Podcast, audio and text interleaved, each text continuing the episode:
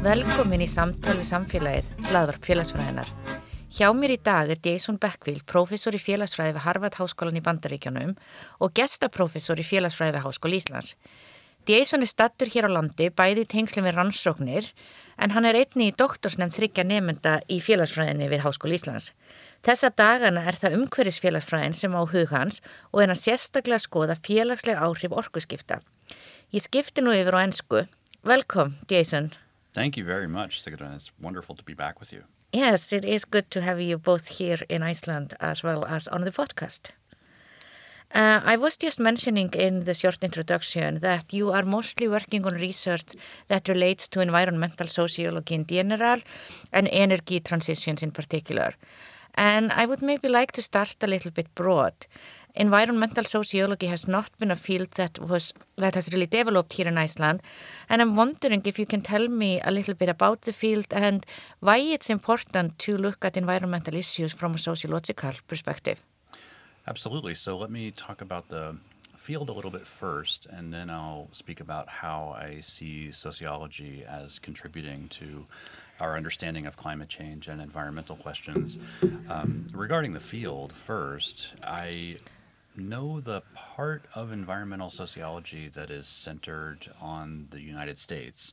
Um, as you know, having gotten your PhD in the U.S., uh, U.S. sociology is largely about the U.S. It is largely about the U.S. The U.S. is the world. the U.S. is the world, yeah.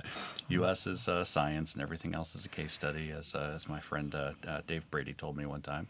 Um, and I agree with that. Um, but you know, I think the U.S. variant of environmental sociology, and obviously there are different environmental sociologies around the world, but the, the U.S. version of it that I, I know um, has a has a long history in the field, um, and and interestingly, you can trace.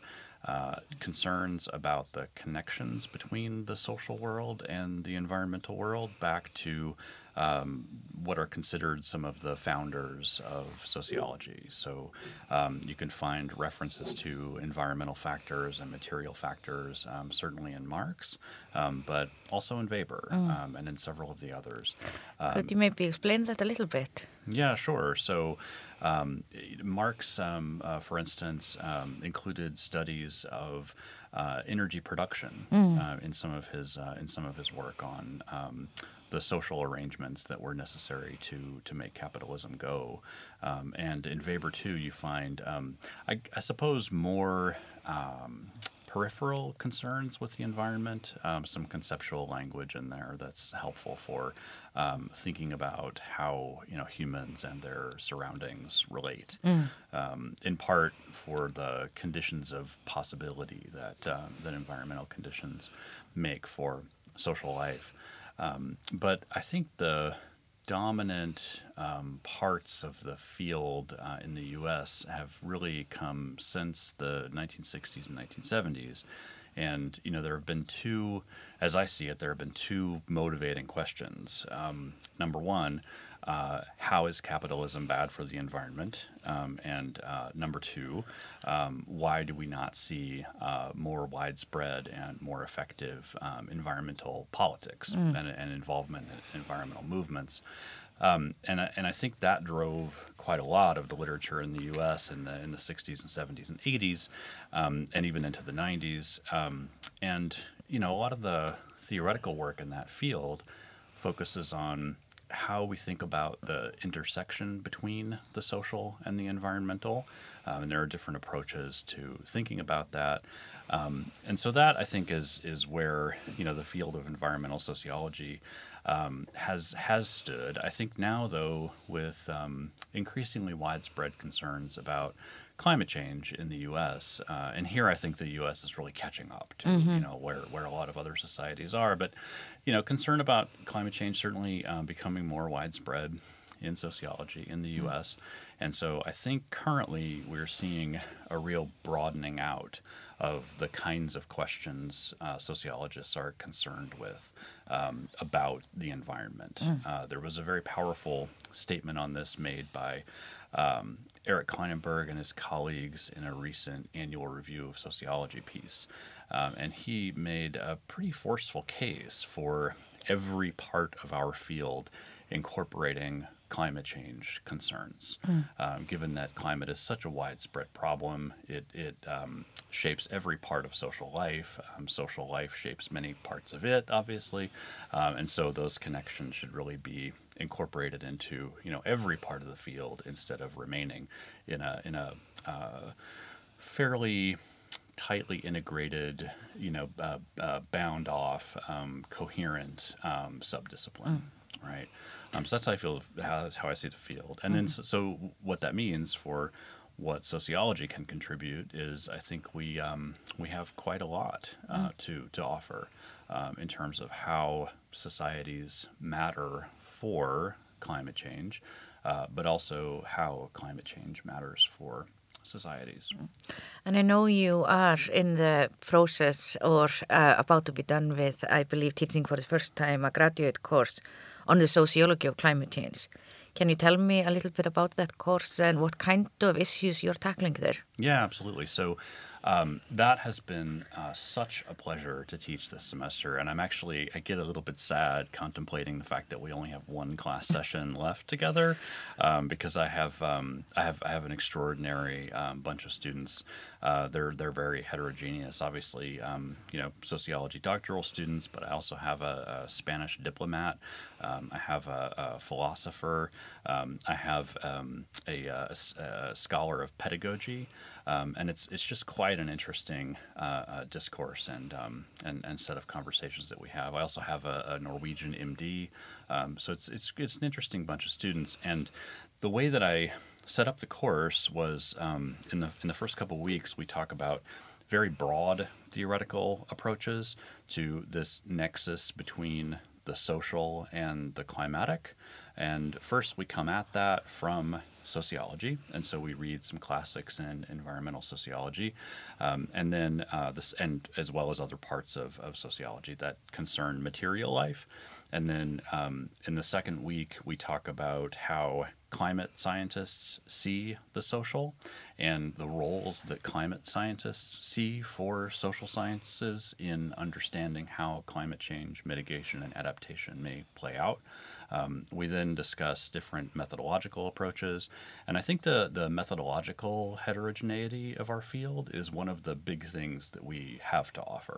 Um, so we come at different ways of doing, you know, sociological analysis as it relates to climatic factors, um, and then you know because sociological work on climate change is relatively new, we talk about it thematically. And so we uh, draw on the extensive research there's been in the field on connections between environmental factors and migration.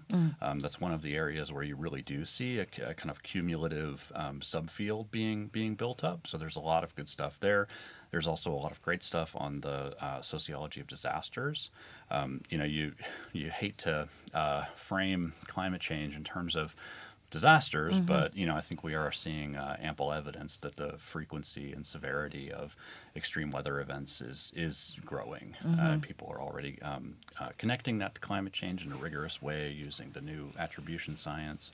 Um, we also talk about how climate change connects to inequalities. Uh, we talk, you know, including race, class, gender, the kind of classical uh, pillars of social stratification research. Um, we talk about uh, politics. Um, we talk about uh, critical approaches to science. Um, so we have a, a, an interesting article we read on the sociology of the IPCC, right? Um, and it's and it's a very interesting uh, interesting piece. Um, and then you know we um, we actually are developing the course uh, together as a group. Um, I decided to leave the last week open because I knew over the summertime when I was putting together the syllabus, this is a very fast changing field. Um, and uh, I am new to the field of climate sociology. And so I was also thinking that there's probably something I'm going to miss in the field that's a major statement. Um, and so uh, for the last week of the course, we've decided to incorporate readings on um, environmental justice and uh, just transitions, um, which is, I think, a, a, a increasingly um, rapidly growing concern. Yeah, and I think one of the things that um, is sort of interesting to Icelanders, and I don't know exactly how widespread it is. We will get the US data of the International Social Survey Program that we are involved in, and you and I have been looking a little bit of the attitudes of the Icelanders. Yep. And if you look at sort of the Icelandic context in terms of what you were saying, uh, we have very few who do not believe in climate change. And I mean, we That's saw right. that in the data. Like, I mean, Yeah. almost universally, uh, people believe that there are some changes that are happening. Um, and we are also seeing, um, we are certainly not among the areas who have been hit the hardest in terms of like severity and frequency of all sorts of disasters. But we have been seeing, for instance, in the east, we've been seeing flooding and sort of like when you have mud that like, you know, comes down from Yep, the... mudslide. Yeah, and like, you know, t- destroying several houses and Sure. like really... So maybe if you could tell me a little bit about like both of those uh, in the US, uh, and I think some Icelanders may have the feeling that you know there are just a lot of Americans who don't believe in climate change, and obviously that relates back maybe more to the past president and the discourse that was uh, surrounding that presidency than it is currently. But yeah, sort of like what is the status in the US, both regarding how the public looks at climate change and also like are you seeing more of these events in the US? Is US being affected and do you think that sort of shapes people in some regions maybe believing more in climate change? Um, so the U.S. is a big place, uh, as you know. It's a very complicated Yeah. place. Um, so uh, there's quite a, a, a differentiated reality around climate change we can talk about. So it's certainly the case that people in different parts of the U.S. have been experiencing extreme weather events that are quite likely related by related to climate change. Um, so, for instance, on the Gulf Coast, which is a region that I've been studying, uh, the hurricanes are increasingly severe, um, and that's because uh, hotter air holds more water, um, and so it seems like a pretty clear case of of um, the the frequency and severity of extreme weather events as being related to climate change. And there's a lot of really good research showing that. Um, and one of the interesting things from my perspective is the ways in which people are affected by the simultaneous experience of a harmful extreme weather event and a certain set of social institutions in an area. Um, so, for instance, on coastal Louisiana, um, especially in the in the southwest corner, uh, I'm thinking about there are several communities that uh, are still um, experiencing uh, being unhoused um, from storms that happened in 2020.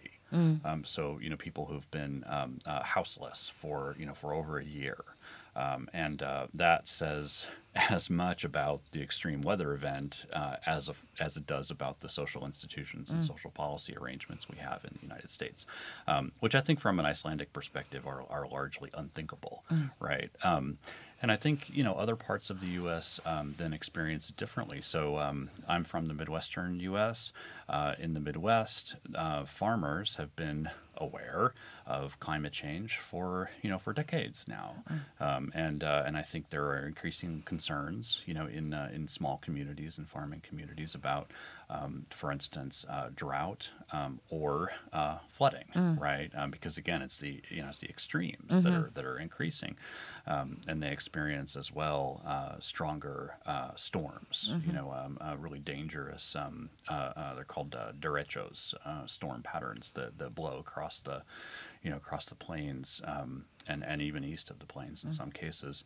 And then in the west, um, California especially, uh, you have increasing, um, uh, increasingly uh, dangerous wildfires uh, that are affecting the ability of people to breathe air, right? Uh, and you and you compound that on top of uh, the drought that you know parts of California experienced, you know, for for many years, that affected not only the availability of water in California, but also the availability of cholera of um, of water downstream um, from uh, from California. Um, so there are different problems. Um, in, uh, in in Boston, you know, the problem is um, sunny day flooding, mm. um, which is um, you know uh, sea level rise compounded with high tides um, that floods um, parts of the Boston Harbor that are usually not underwater. Mm-hmm. Uh, the area I'm thinking about specifically is the area around the aquarium. Mm-hmm. Maybe you remember that. Yeah. Uh, and increasingly, that area is flooding mm. at high tide. Um, and you know that's quite problematic. You know, not only for the cultural infrastructure. You know, the the uh, New England Aquarium is there, but also the transportation mm. infrastructure. There's a there's a um, MBTA subway stop mm-hmm. um, right there, uh, and so I think you know there concerns about climate change are growing among the U.S. population, but I think here we get into a very interesting sociological and cultural phenomenon whereby the way you frame a problem affects how people think about their own relationship to that mm-hmm. problem. And so climate change in the US has a political valence, right? People associate climate change as being about left party priorities uh, things that Bernie Sanders worries about, things that Alexandria Ocasio Cortez worries about, and so on and so forth, right? Um, and so that frame is really quite politicized. Mm. And so quite often people think, well, I can't worry about climate change because people on my team don't worry about climate change, right? I'm not like Bernie, I'm not like mm-hmm. AOC. Um, and so I think what's what's been happening recently and I would I I have experienced this in the last few years. Maybe it goes back even further. I haven't done a systematic history of it, but um, there's there's an increasing framing of these worries in terms of extreme weather events, mm-hmm. and I think in the U.S. context, the extreme weather event framing plays much better, um, and it's something that that people feel they can be concerned about, regardless of which team they're on. Mm-hmm. Yeah, and something you feel concretely. And I want to come back to that because you were talking about Louisiana and um, I think sort of one of the major events that like, you know, most of us would know that has happened there is like Katrina and mm. the consequences of Katrina that I think were, you know, really surprising to Icelanders that things like this could happen. Um, and I think that also relates back to what you're saying with these kind of like I mean on the one hand we have nature and we have these kind of events that happen but then I mean we basically have social political and cultural responses to those. And you happen to be in New Orleans uh, during Katrina and I remember some of the discourse in the media for example that was really offensive including like how late people were being rescued or if they were being rescued at all. Uh, issues of who got left behind, the images yeah. of people who were there. So maybe if you can, and people choosing to stay. I mean, I think that yeah. was also that individuals rational individuals were making decisions that they didn't want to leave, leaving aside issues such of lack of transportation, both in terms of own cars, but also that there were not public transportation that was taking people away from the disaster area. Correct. And in that way, like, you know, we have uh, sociological articles talking about Katrina as much of a social disaster as a natural disaster, or that's even right. more. No, that's absolutely right, and and uh, that's we um, in in my course on climate change we, we we read a lot. Well, not a lot. We read as much as we feasibly can of the literature on um, on Katrina from a sociological vantage point, and much of it is written by sociologists who were living in New Orleans mm-hmm. at the time of Katrina. And so, uh, James Elliott, who's now at uh, Rice University, has done some great work on this. Um, Elizabeth Fussell, who's now at Brown University, has done some really terrific work here, um, and uh, and and others as well. Um, and what that literature shows is very much in line with scholarship on other disasters. Mm.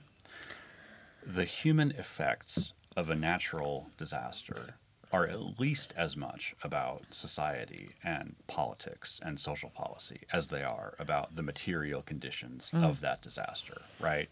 It's not just, you know, the rising water and the blowing wind that affect how you're going to do in a disaster. It's also about what are the social resources that you have to draw on to avoid those effects, right? And so, um, the really striking thing, oh, well, I mean, there are many things that, that, that stand out in my memory about Katrina. Uh, one of um, maybe the, the the ones that'll be surprising, you know, to your to your listeners would be um, my uh, uh, uh, wife, um, who was was my uh, my girlfriend at the time. We were dating. Um, she and I uh, both have PhDs. We think of ourselves as you know very well schooled, you know, rational people, uh, and we. Um, came very close to uh, staying in New Orleans ourselves, um, which sounds crazy in retrospect. But at the time, it was it, it would have been quite a rational decision because the New Orleans population has long experience with storms that are forecast to be terrible and to mm. hit the city head on. And because of the traditional weather patterns in that region, those storms most often move off to the east, right? Um, you know, a low pressure system will come in, you know, from the west, and the winds will shift the, you know, will shift the storm in that direction. That's the most common pattern. Um, so there's that historical experience, but in terms of the problems that people face that are right in front of them, um, Jocelyn um, Paterna, my wife, had had experiences where she would evacuate in advance of a storm, and this would result in a situation where she's stuck on the highway for hours out in the open, right, because of traffic jams. Um, and uh, she would have nowhere to go, would be a very unsafe situation. Um, or uh, if she could even find a place to stay, um, you know, it would it would be of um, you know questionable um, um, livability, right? Um, if, if she could even find a place. And so, you know, she was arguing that you know we should do what a lot of New Orleanians do and just and just hunker down. Um, now, you know, I'm a bit of a weather geek, um, and so I had been following, you know, these models really pretty closely, and and knew that you know this usual pattern where it's going to kick off to the east is not looking so likely, given you know where the jet stream in the U.S. was at the time. And I said, no, I really think we should go, and so we debated about this, and in the end, uh, she agreed to go, but only if we left at midnight, um, and only if midnight was after the state implemented what they called contraflow, which was using all of the highways to go only in one direction out of town, right? So, you know, think about this from a social policy vantage point, right? Um, this is a case where infrastructure and the and the regulation of infrastructure is a social policy, right?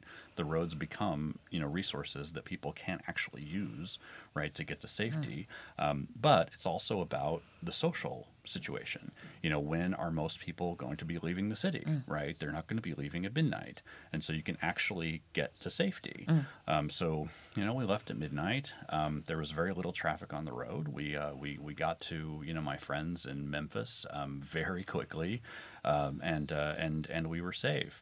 But think about all of the resources that that took to accomplish, right?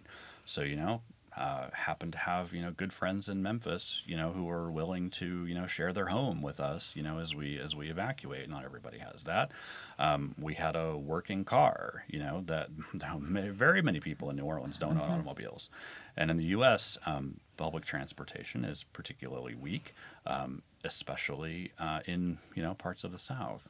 Um, so you know, I think it became really clear to me in that experience the many ways in which natural disasters are social. Mm-hmm.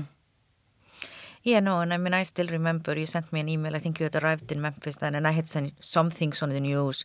Certainly didn't think that this was really going to hit the city or was a big Yeah. deal. Uh, and then sort of seeing the events unfold in like, um, and that's the reason I remember the email is that I was just like, oh, I guess that's good that like they, you know, are Right, safe. right, right. Uh, but then obviously as time went on, I was like, thank God that they are safe. Like, thank God that they were able to get out there. And then, of course, getting many of these insights about resources. Um, and I think this is all pretty far away from like what is thinkable to most Icelanders, where I mean, sort of this notion is always if something happens here, the first thing is that like we do whatever is possible to save lives. And I mm-hmm. mean, mm-hmm. you never ask, mm-hmm. for instance, who is going to pay for the plane going there or who's going to pay for the boat or whatever is needed. And in the US, that's a real question. Yep, yep, yep, yep, yep. And that's that's about very many things. You mm. know, that's about um, population size. That's about um, uh, the institutional structure of the U.S. You know, the the federal system that we have, where uh, responsibilities for social policy and and even for infrastructure are distributed between the states and the federal government and. Uh, you know, there are ways in which that can be a plus, but it cuts both ways, and that can be a minus. And I think you saw the ways it was a minus in the in the Katrina case. And I want to take us a little bit back to sort of your other research agendas and maybe particularly how this became uh, an interest of yours and a focus on. So I think on one hand, like like how and why did you become interested in issues of the environment um, and also how do you see this building up on some of your other research agenda particularly like surrounding inequalities where we've been looking at like the impact of inequality on the welfare state and um, as well as health inequalities So I think it's a case of lots of threads coming together. So um, I've always been interested in the connections between uh, human institutional arrangements and social inequalities between people. And that's the theme that integrates my research on European welfare states and income inequality in Europe with my cross-national comparative work. You know, some most of it we've done in collaboration. That's been about um, cross-national differences and health inequalities, um, and I think that's one um, impulse here that you know results in my new work in climate change. Another impulse, honestly, is you know the fact that I'm a weather geek and that I read about weather all the time. And one of the really interesting things to me is that you know, when you read um, many climate reports, um, certainly many reports about energy uh, transition, um, as well as reports, you know, of course, of weather, um, people tend to be absent from that, right? Uh, it's it's about um, physical properties, it's about particles, um, it's about um, geological and, and chemical and biological forces, but there's very little social in there. Um, so that's another factor that, that pushed me in this direction. Uh, and then I also had a conversation with uh, with with a scholar, you know, whom, whom I, I won't name, um, but uh, but he knows who he is. Um, and I was uh, was giving a talk on my uh, health inequalities project. This is maybe five years ago, and um, we were discussing climate change. You know, in one of those little pre-talk chats that that that one uh, you know often has the privilege of having. Um, and uh, and we were we were chatting about climate change, and I was I was saying, you know, I think the implications of climate change for inequality are really really interesting. And he said, well, you know, uh, and I will say he was an economist, and he said, well, you know, what what implications for inequality? I mean, you know, big floods come, like everybody's that's a disaster for everybody, right? And um, you know, and and we and he, he gave the case of Florida, you know, so like sea levels to rise in Florida, you know, and like everybody's going to have to move, and and I thought. Uh, Wow, um, that's not quite how I see it playing this out. This is not what you would hear from any sociologist is I not what you would hear from any sociologist. and so I thought, okay, you know, I probably have some things uh, to to to say here, um, and uh, and and I have to admit, you know, often oftentimes my um, research interests uh, come from an emotional place of. Uh, anger or outrage. That's often very motivating for me in the in the scholarship that I do. You know, I get upset about something, and so you know, I think getting upset about that was part of why I I pivoted in this direction. Um, I also just think it's the problem of the day, um, and with and honestly, you know, post tenure, I'm much more comfortable um, asking uh, questions and addressing questions that. Um, uh, would be a little risky for a junior scholar. You know, I don't I don't necessarily think I would have taken on climate change um, as a you know as as an untenured um, professor uh, because I would be worried about well you know it's too applied, it's too political, it's too ideological, blah blah. But I think it's also really interesting of, you know, this bringing in people and that, you know, there are certain major things, climate change being one of them, where we just don't really see the people. Yeah. And I mean, I think that, and I'm thinking here, like the, your comment with climate change, I mean, we've also heard this with COVID 19. And mm. people like saying COVID 19 is a great equalizer because it's a virus that, like, you know, anyone can get sick. And, and I think this is just so fascinating that, like, you actually have, you know, established scholars in unnamed disciplines mm-hmm. who would, mm-hmm. like, you know, say this because, I mean, I think pretty much you have to take, like, you know, intro to SOS. Yep. And I mean, at least if like the students are not asleep in our classes, they would say like, of course, like any kind of thing that is going to happen uh, at such a major scale, it is going to have different implications for different people. It's going to have different implication whether you are in a poor or a rich country. So we can start there, and then it's sort of going to go down like the entire like stratification uh, system within that society. And That's I mean, I right. think that like you know both That's right. COVID and climate change are you know really interesting examples that really show the power of the sociological perspective. That's right. That's right. That's exactly right. Uh, one of my favorite papers that we read for uh, for my my um, sociology of climate change doctoral seminar was a recent paper by Barbara Entwisle and colleagues at uh, uh, she's at UNC Chapel Hill, and I really liked the way they framed their analysis of climate change and migration.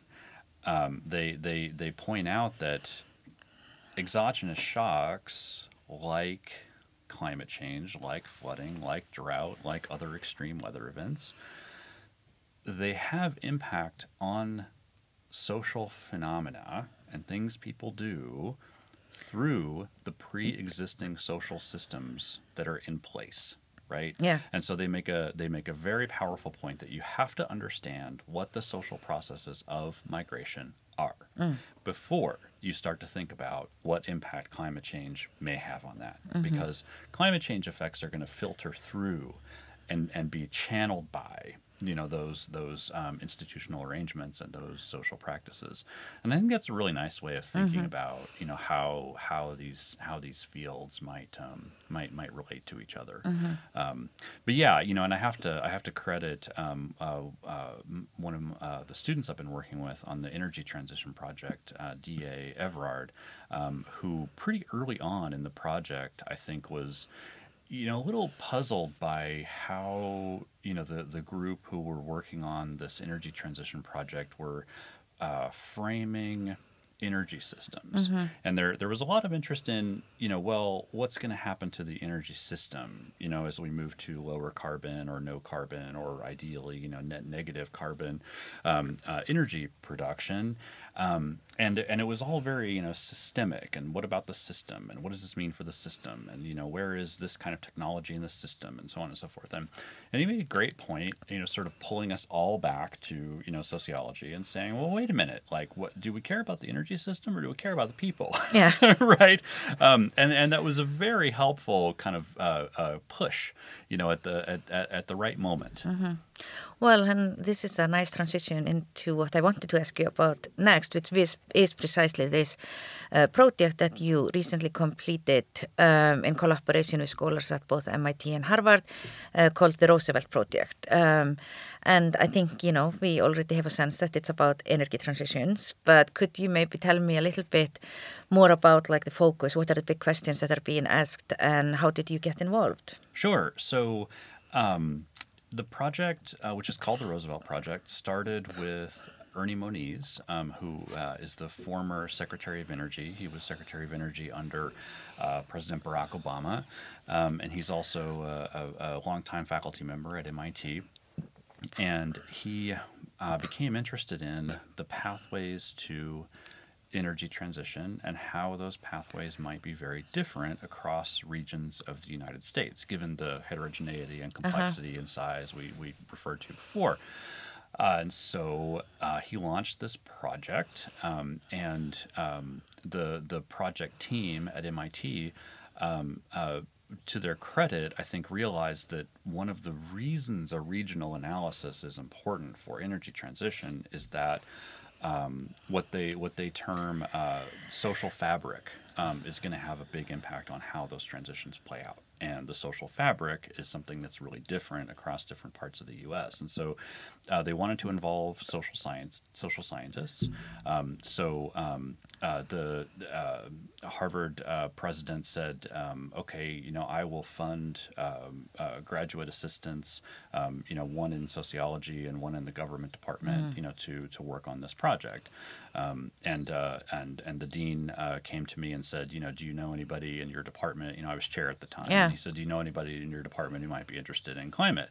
Um, and uh, and I answered in a pretty selfish way. I said, "You know, well, well, you know, I'm getting interested in climate, and so you know, I'm not in a in a position to lead a project, you know, doing this this um, service role, but I can certainly collaborate with others, mm. you know, and, and I'd be happy to do so. And and then you know, uh, being the civic-minded guy I try to be, I did also mention, you know, a couple more colleagues who I thought um, might might might be interested, um, and uh, and so uh, you know, I had the opportunity to to join the team, mm. um, which was really great for me because I learned a ton, um, and I also think, um, I, or I hope, I guess, that I was able to contribute some sociology mm. to um, to the project, and and and uh, and and I th- and I like to think it came out better than it it, it might otherwise have been, mm-hmm. you know, with without sociological involvement.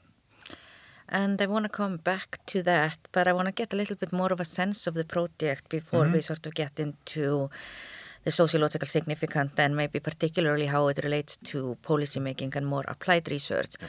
But basically the project consisted of four case studies of different areas, as you were saying, like a regional approach. Um, could you tell me a little bit about the different sites you focused on, like why those were chosen and what are the issues that are happening there?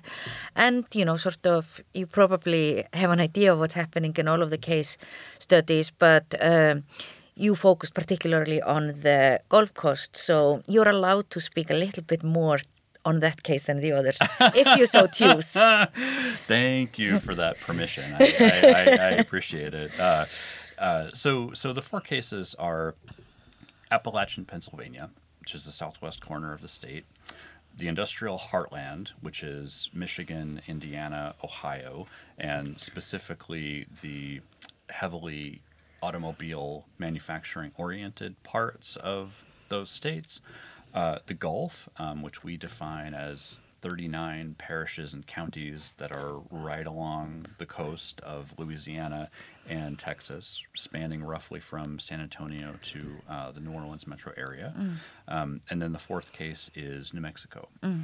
And one of the reasons why those cases are very interesting and very different is that they play different roles in the energy um, in, the, in the energy system of the United mm-hmm. States. Mm-hmm. And so, um, Southwest Pennsylvania um, is uh, is coal country and uh, natural gas fracking uh, country, right?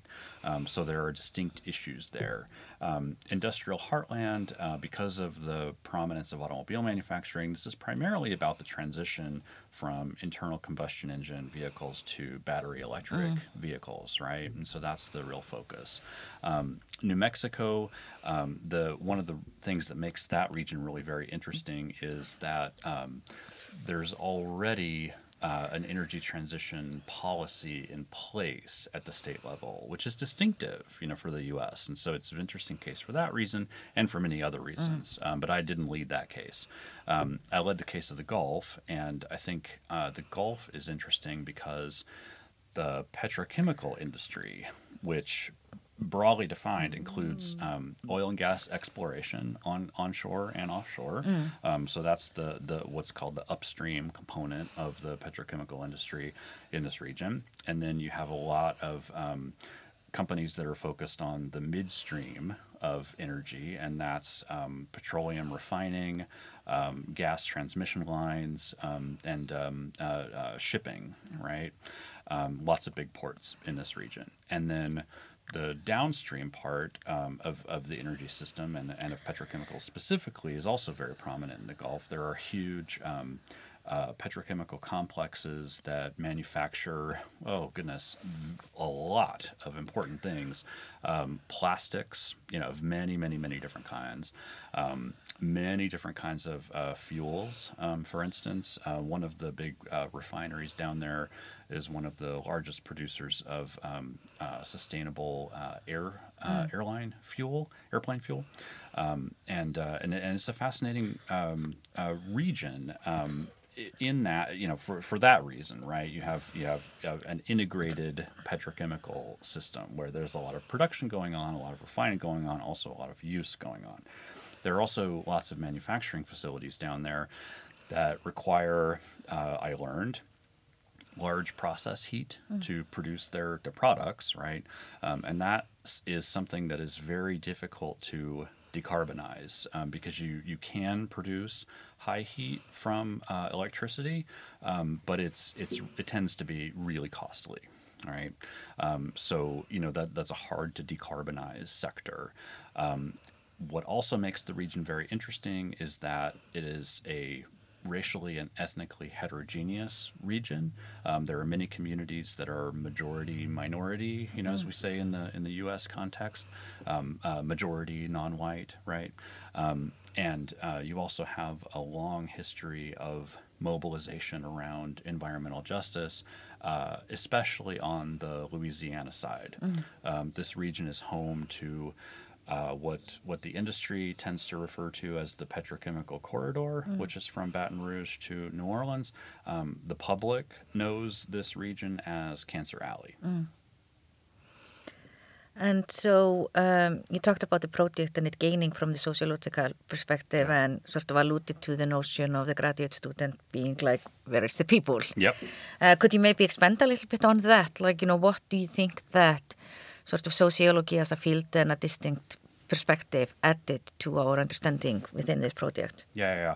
yeah. Um, so you know, so so I pushed for for two things on this on this project, um, and I wasn't the only one pushing, right? Mm-hmm. I mean, I don't I don't mean to overclaim here, yeah. Um, but but I thought two things were really important. One was um, uh, collaboration with people who were on the ground in these regions and knew these regions the best.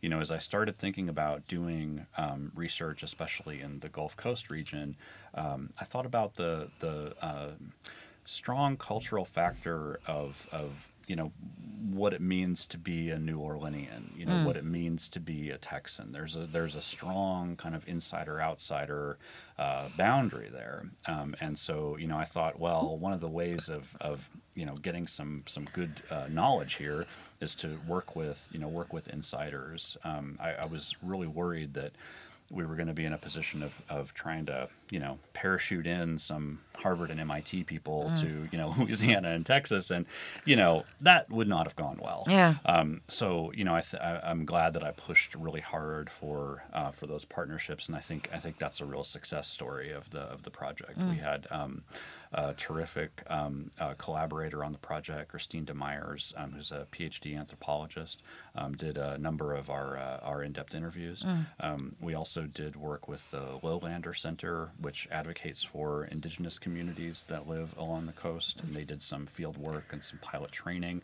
um, with us, and um, and I think that was I think that was really good for the project. that that locality, yeah. and I think that locality played out in a in a really good way in different in, in the other three mm. regions mm. um, as well. Uh, and then, you know, the other thing that I pushed for was um, some refinement of what the team means when it says social fabric.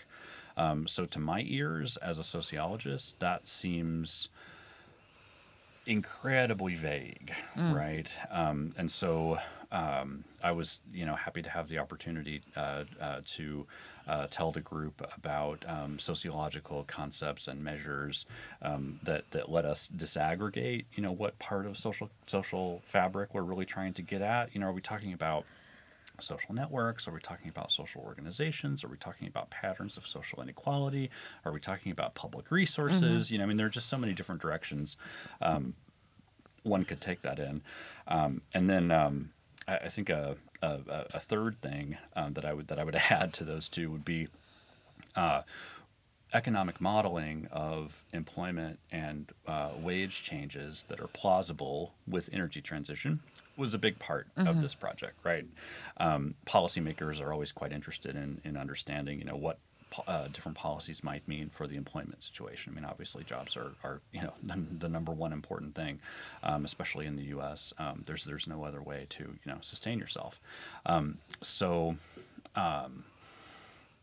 I became concerned about uh, some of the assumptions that the economic model was making, specifically about migration. Um, and um, I have a close colleague, uh, Mary Waters, in the department, who's you know one of the uh, foremost experts on migration.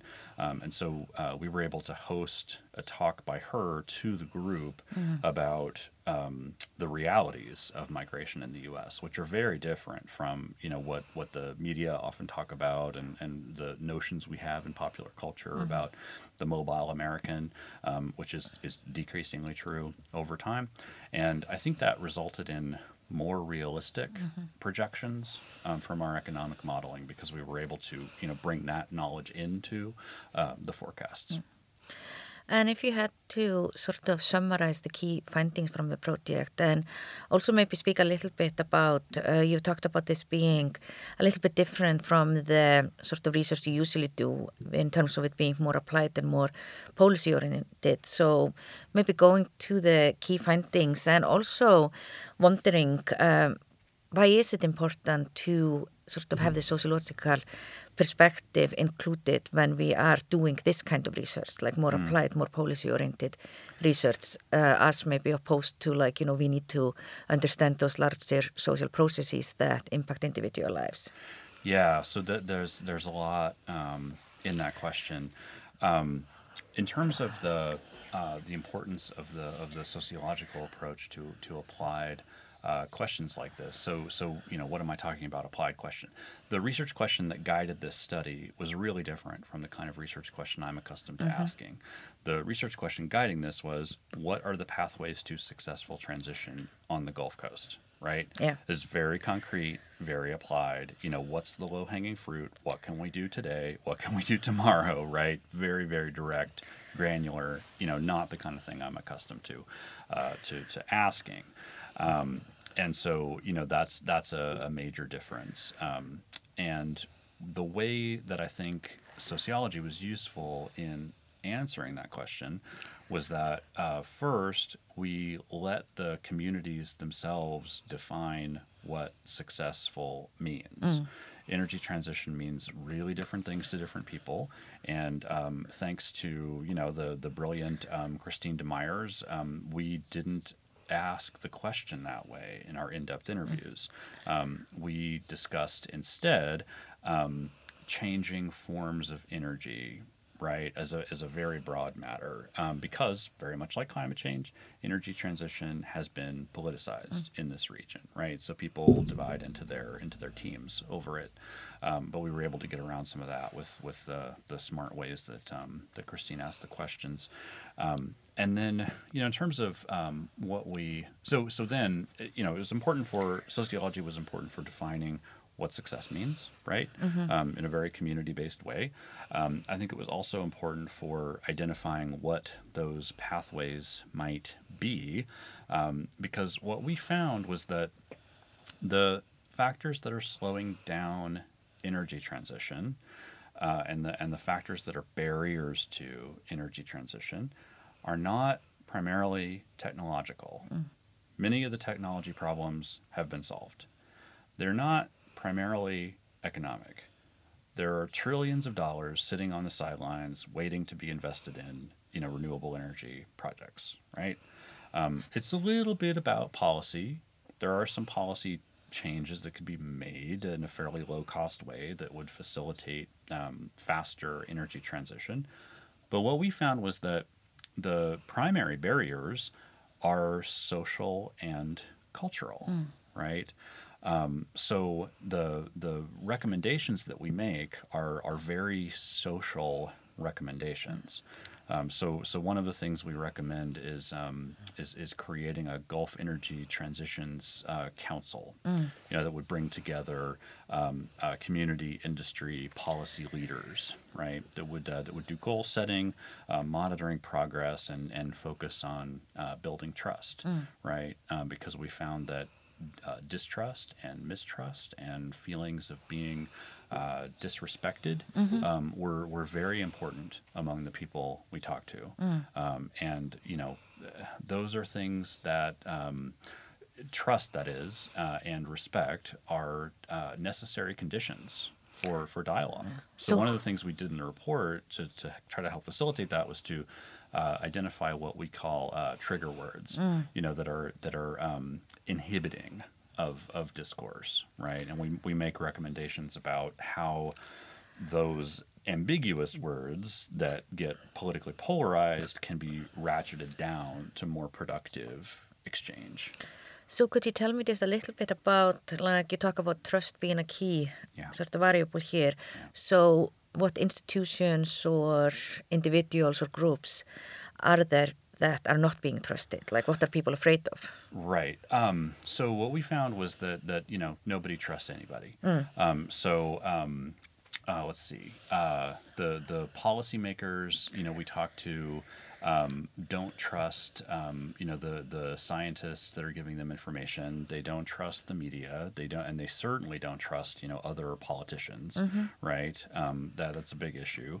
Um, the industry actors we talked to uh, don't trust the the public. Um, they don't trust politicians, right? And then the public uh, that we talk to uh, don't trust politicians, and they don't trust industry, right?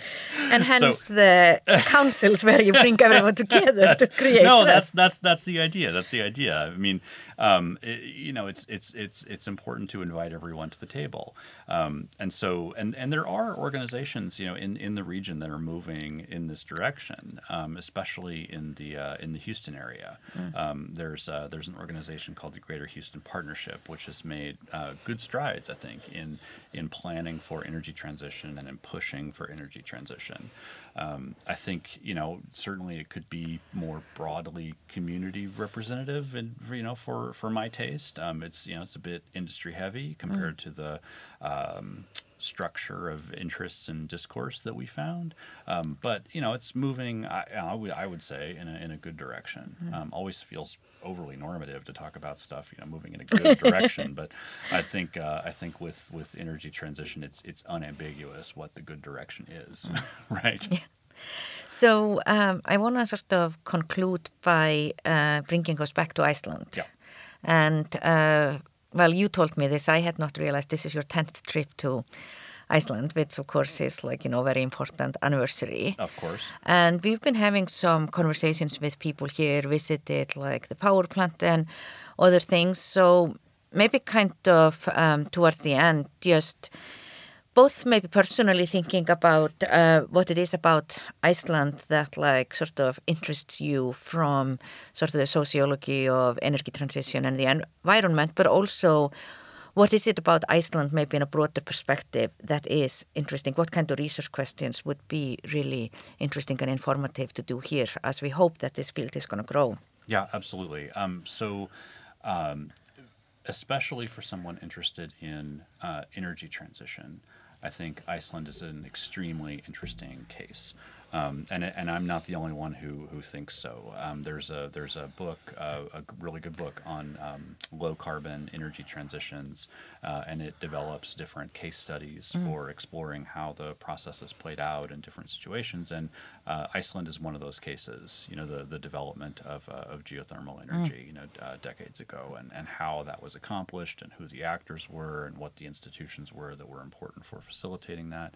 Uh, Kathleen Araújo has a great book on that.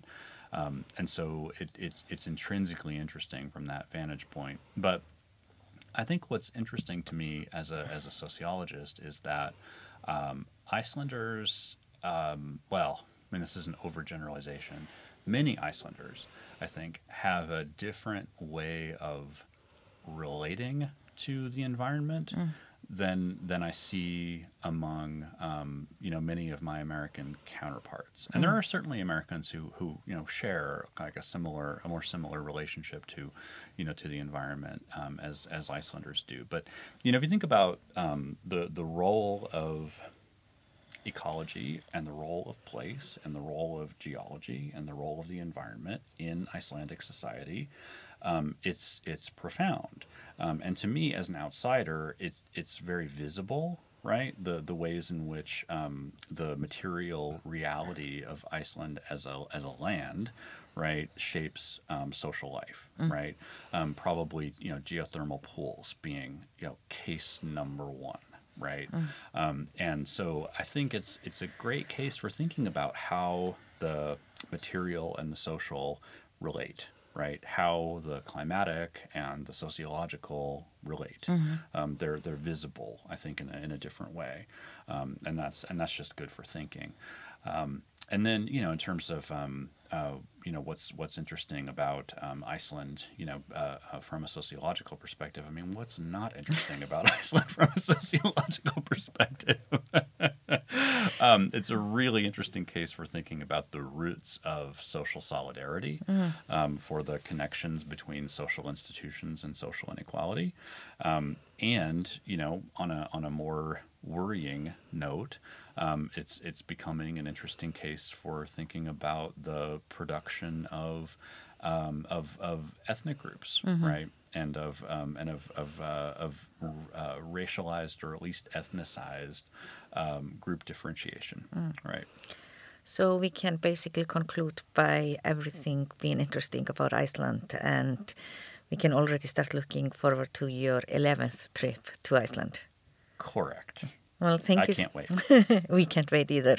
Well, thank you so much for being with us here today. Thank you very much for having me. It was Of such course. a pleasure. Anytime. I think you are now the most frequent guest of the podcast. Oh, that's very good. Yeah. Gold star for me. Gold star for you. I think it's the third time, and I think you're the only one in that category. Excellent. Excellent. So thank you so much. Thank you.